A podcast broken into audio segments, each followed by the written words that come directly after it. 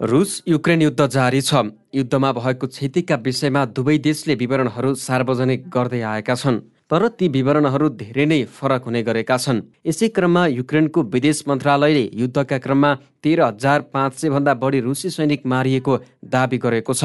त्यस्तै हालसम्म चार सय चार ट्याङ्क ध्वस्त पारेको पनि युक्रेनले दावी गरेको छ।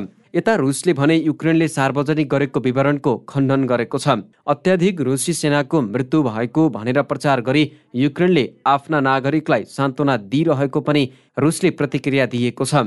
युक्रेनको विदेश मन्त्रालयले पछिल्लो बिस दिनमा एक हजार दुई सय उना अस्सी रुसी हात हतियार पन्चानब्बे हेलिकप्टर एक सय पचास तोपका टुक्रा र चौसठी एमएलआर छत्तिस एन्टी एयर क्राफ्ट छ सय चालिस गाडी र साठी भवन लगायत ध्वस्त भएको जनाएको छ। रुसी आक्रमणको सामना गरिरहेको युक्रेनमा अमेरिकी टेलिभिजन च्यानल फक्स न्युजका दुई पत्रकार मारिएका छन्। राजधानी किपको बाहिरी क्षेत्रमा रहेको होरेनका क्षेत्रमा फक्स न्युजका पचपन्न वर्षीय क्यामेरा पर्सन आइरिस नागरिक पियर जाक्रा जेभेस्की र चौबिस वर्षे युक्रेनी ओलेक्सका सान्द्रा कुबिसनोभा मारिएको फक्स न्युजले जनाएको छ। फक्स न्युजले पत्रकारको मृत्युप्रति दुःख व्यक्त गरेको छ। च्यानलकी प्रमुख कार्यकारी सृजन स्कटले आफ्नो संस्थाका लागि यो हृदय विदारक दिन भएको जनाएकी छिन्। उनका अनुसार पियर अफगानिस्तान सिरिया इराक जस्ता द्वन्द्वग्रस्त स्थानमा गई समाचार सङ्कलन गर्दै आएका थिए भने कोभिड नोभा केही केही महिना अघि मात्रै फक्स न्युजमा काम थालेकी थिइन्। यसअघि उनीहरूसँगै काम गर्ने उनाचालिस वर्ष बेलायती पत्रकार बेन्जामिन हल घाइते भएको समाचार सार्वजनिक भएको थियो। उनको अवस्था गम्भीर रहेको जनाइए पनि यसबारे विस्तृत विवरण सार्वजनिक गरिएको छैन। गत आइतबार मात्रै न्युयोर्क टाइम्सका पत्रकार ब्रेन्ट रेन्डलाई कि बाहिरको इर्पिन सहरमा गोली हानी हत्या गरिएको थियो।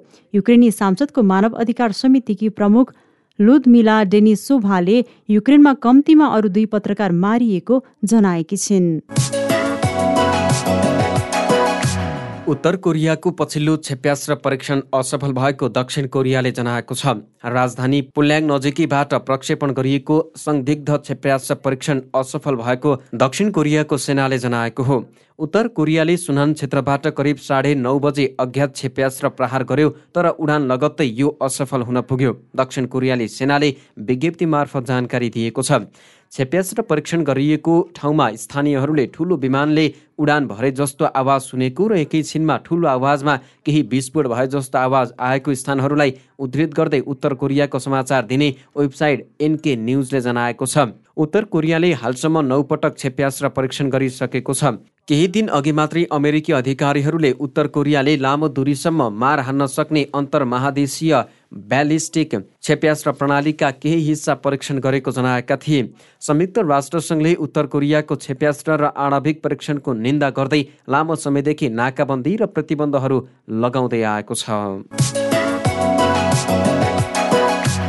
रुसी आक्रमणको सामना गरिरहेको युक्रेनमा प्रति सेकेन्ड झण्डै एक बालबालिका युद्धको कारण शरणार्थी बन्न बाध्य हुन थालेको संयुक्त राष्ट्र मानवीय संगठनहरूले जनाएका छन्। रुसी आक्रमण सुरु भएदेखि अहिलेसम्म यस देशबाट भागेका मानिसहरूको संख्या तीस लाखभन्दा बढी पुगेको राष्ट्रसङ्घको प्रारम्भिक तथ्याङ्क छ। अहिले युक्रेनबाट छिमेकी देशहरूमा मानिसहरूको प्रभाव तीस लाखभन्दा बढी पुगेको हामीले प्रक्षेपण गरेका छौँ। अन्तर्राष्ट्रिय आप्रवासी संगठन आइओएमका प्रवक्ता पल डिनले जानकारी दिए। उनका अनुसार यीमध्ये लगभग एक लाख सन्ताउन्न हजार तेस्रो देशका नागरिक रहेका छन्। फेब्रुअरी चौबिसमा रुसी आक्रमण सुरु भएदेखि अहिले लगभग पन्ध्र लाख बालबालिका युक्रेनबाट बाहिरिएका छन्। पछिल्ला बीस दिनका दौरान युक्रेनमा हरेक दिन सत्तरी हजार भन्दा बढी केटाकेटी शरणार्थी बन्न बाध्य छन्। संयुक्त राष्ट्र संघ बालकोष युनिसेफका प्रवक्ता जेम्स एल्डरले भने हरेक मिनेट पचपन्नजना बालबालिका युक्रेन छोडेर विदेशिने गरेका छन्। युक्रेनमा हिंसाबाट भागिरहेका दस मध्ये नौजना महिला तथा केटाकेटीहरू रहेका युनिसेफका प्रवक्तालाई उद्धृत गर्दै राष्ट्रसङ्घको सञ्चार मामिला हेर्ने संगठन युएन न्युजले उल्लेख गरेको छ। युवाहरू अपरिचित नयाँ वातावरणमा आइपुग्दा तस्करहरूको शिकार भइरहेको आशंका पनि गरिएको छ। प्रवक्ता एल्डरले भने मैले भ्रमण गरेको सीमा क्षेत्र खास गरी पोल्यान्डको मेडिका गाउँदेखि युक्रेनको राजधानी किपसम्म त्यताबाट आएको बताउने हजारौं मानिसहरू बस र मिनी बस वरिपरि व्यवस्थापनको खोजीमा उभिरहेका भेटेका थिए। उनीहरू कम्तीमा पनि एक हप्ता अघि ती सीमाहरूमा पुगेका थिए। उनले भने अवश्य पनि अधिकांश मानिसहरू अद्भुत मनाशय र ठूलो उदारता भएका मानिसहरू हुन् तर युरोपमा तस्करीबारे हामीले बुझेको कुरालाई विचार गर्दा यो अझै पनि एकदमै गम्भीर मुद्दा भएको छ। न्युजिल्यान्डले पर्यटकहरूका लागि सिमानाका खुला गर्ने भएको छ। कोरोना भाइरसको महामारीका कारण लामो समय सिमानाका बन्द गर्दै आएको न्युजिल्यान्डले महामारी कम भएको ठहर गर्दै सिमानाका खुला गर्ने निर्णय गरेको हो। त्यसै गरी विदेशी पर्यटकहरूलाई स्वदेश प्रवेशमा रोक लगाउँदा अर्थतन्त्रमा समेत नकारात्मक असर परेकाले अर्थतन्त्रमा सुधार गर्न पनि सिमानाका खुला गर्नु परेको अधिकारीहरूले जनाएका छन्। अस्ट्रेलियाका विद्यालयहरूमा विदाको समय सुरु भएकै बेला न्युजिल्यान्ड सरकारले यस्तो निर्णय गरेको हो। स्थानीय समय अनुसार आगामी अप्रेल बाह्र तारिकको राति एघार बजेर उनासाठी मिनटदेखि अस्ट्रेलियाका नागरिकहरूलाई न्युजिल्यान्ड घुम्न दिने निर्णय भएको प्रधानमन्त्री जसिन्डा अर्डेनले बताइन्। उनका अनुसार त्यसको साढे दुई हप्तापछि खोप लगाएका छ देशका पर्यटकहरूलाई पनि न्युजिल्यान्ड प्रवेश गर्न दिइनेछ। न्युजिल्यान्डले दोस्रो चरणमा बेलायत अमेरिका जापान जर्मनी दक्षिण कोरिया र सिङ्गापुरका पर्यटकहरूलाई प्रवेश खुला गर्ने भएको हो।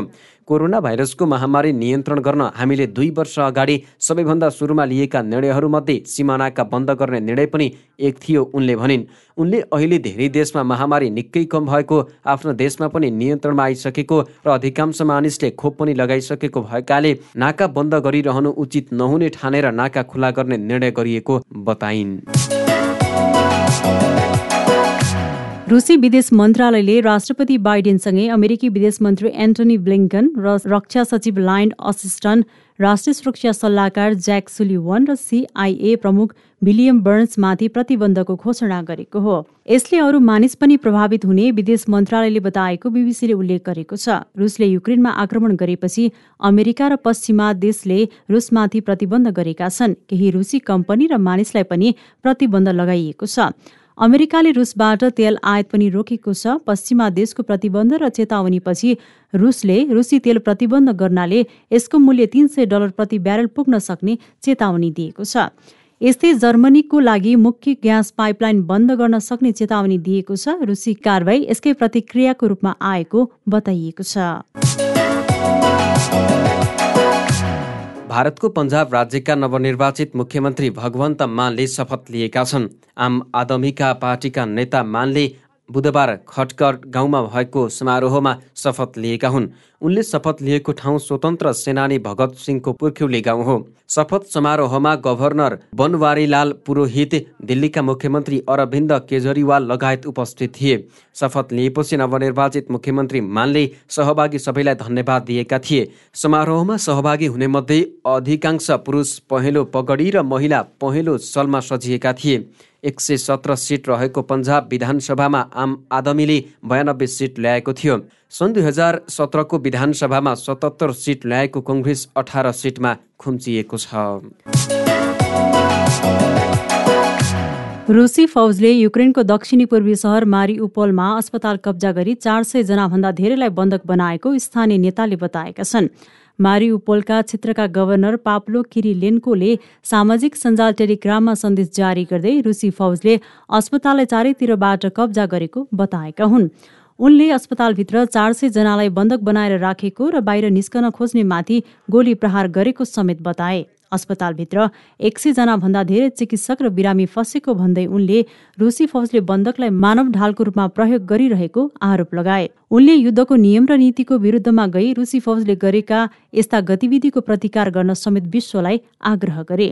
रुसी फौजको घेराबन्दीमा परेको मारिउपल सहरमा यसअघि पनि रुसी फौजले बाल अस्पतालमा आक्रमण गरेको थियो। युक्रेनी राष्ट्रपति भ्लोदिमिर जेलेस्कीले रुसको यस्तो गतिविधिलाई युद्ध अपराध नरहंसारको संज्ञा दिएका थिए।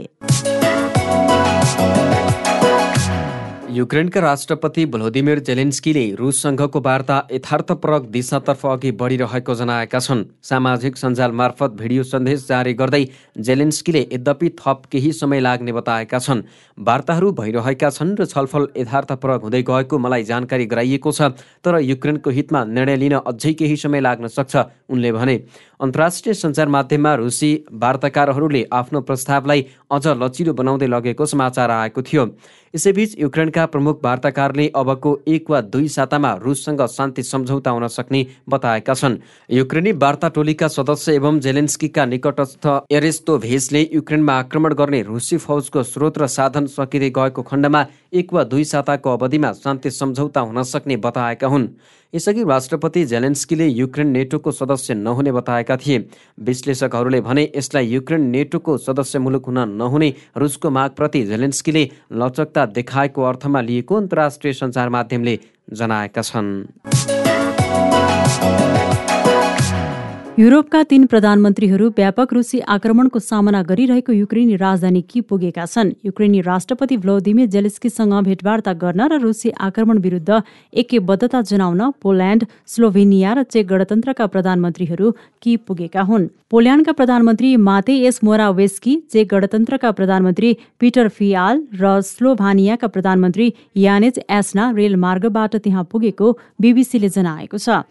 जे गणतन्त्रका प्रधानमन्त्री फे आलेले ट्विटरमा लेखेका छन्। हामीलाई थाहा छ तपाईँहरू हाम्रो जीवनका लागि पनि लडिरहनु भएको छ। त्यस्तै पोल्यान्डका प्रधानमन्त्री मोरा वेस्कीले युक्रेनलाई गुमाएको खण्डमा युरोप उस्तै नरहने र युरोप हार लज्जा दयनीय अवस्थामा पुग्ने प्रतिक्रिया दिएका छन्। तपाईँहरूको भ्रमण युक्रेनप्रति शक्तिशाली समर्थनको अभिव्यक्ति हो जेलेस्कीले तीन प्रधानमन्त्रीको प्रतिनिधि मण्डललाई बताएको बीबीसीले जनाएको छ। भ्रमणका क्रममा रुस विरुद्ध कठोर प्रतिबन्ध र रुसको आतंकवादलाई साथ दिने देशको मान्यता दिने विषयमा छलफल भएको युक्रेनी प्रधानमन्त्री डेनिस स्यामहालले ट्विटर मार्फत जनाएका छन्। रुसले युक्रेनमा आक्रमण थाले यता किमा उच्चस्तरीय विदेशी प्रतिनिधि मण्डलको यो पहिलो भ्रमण हो।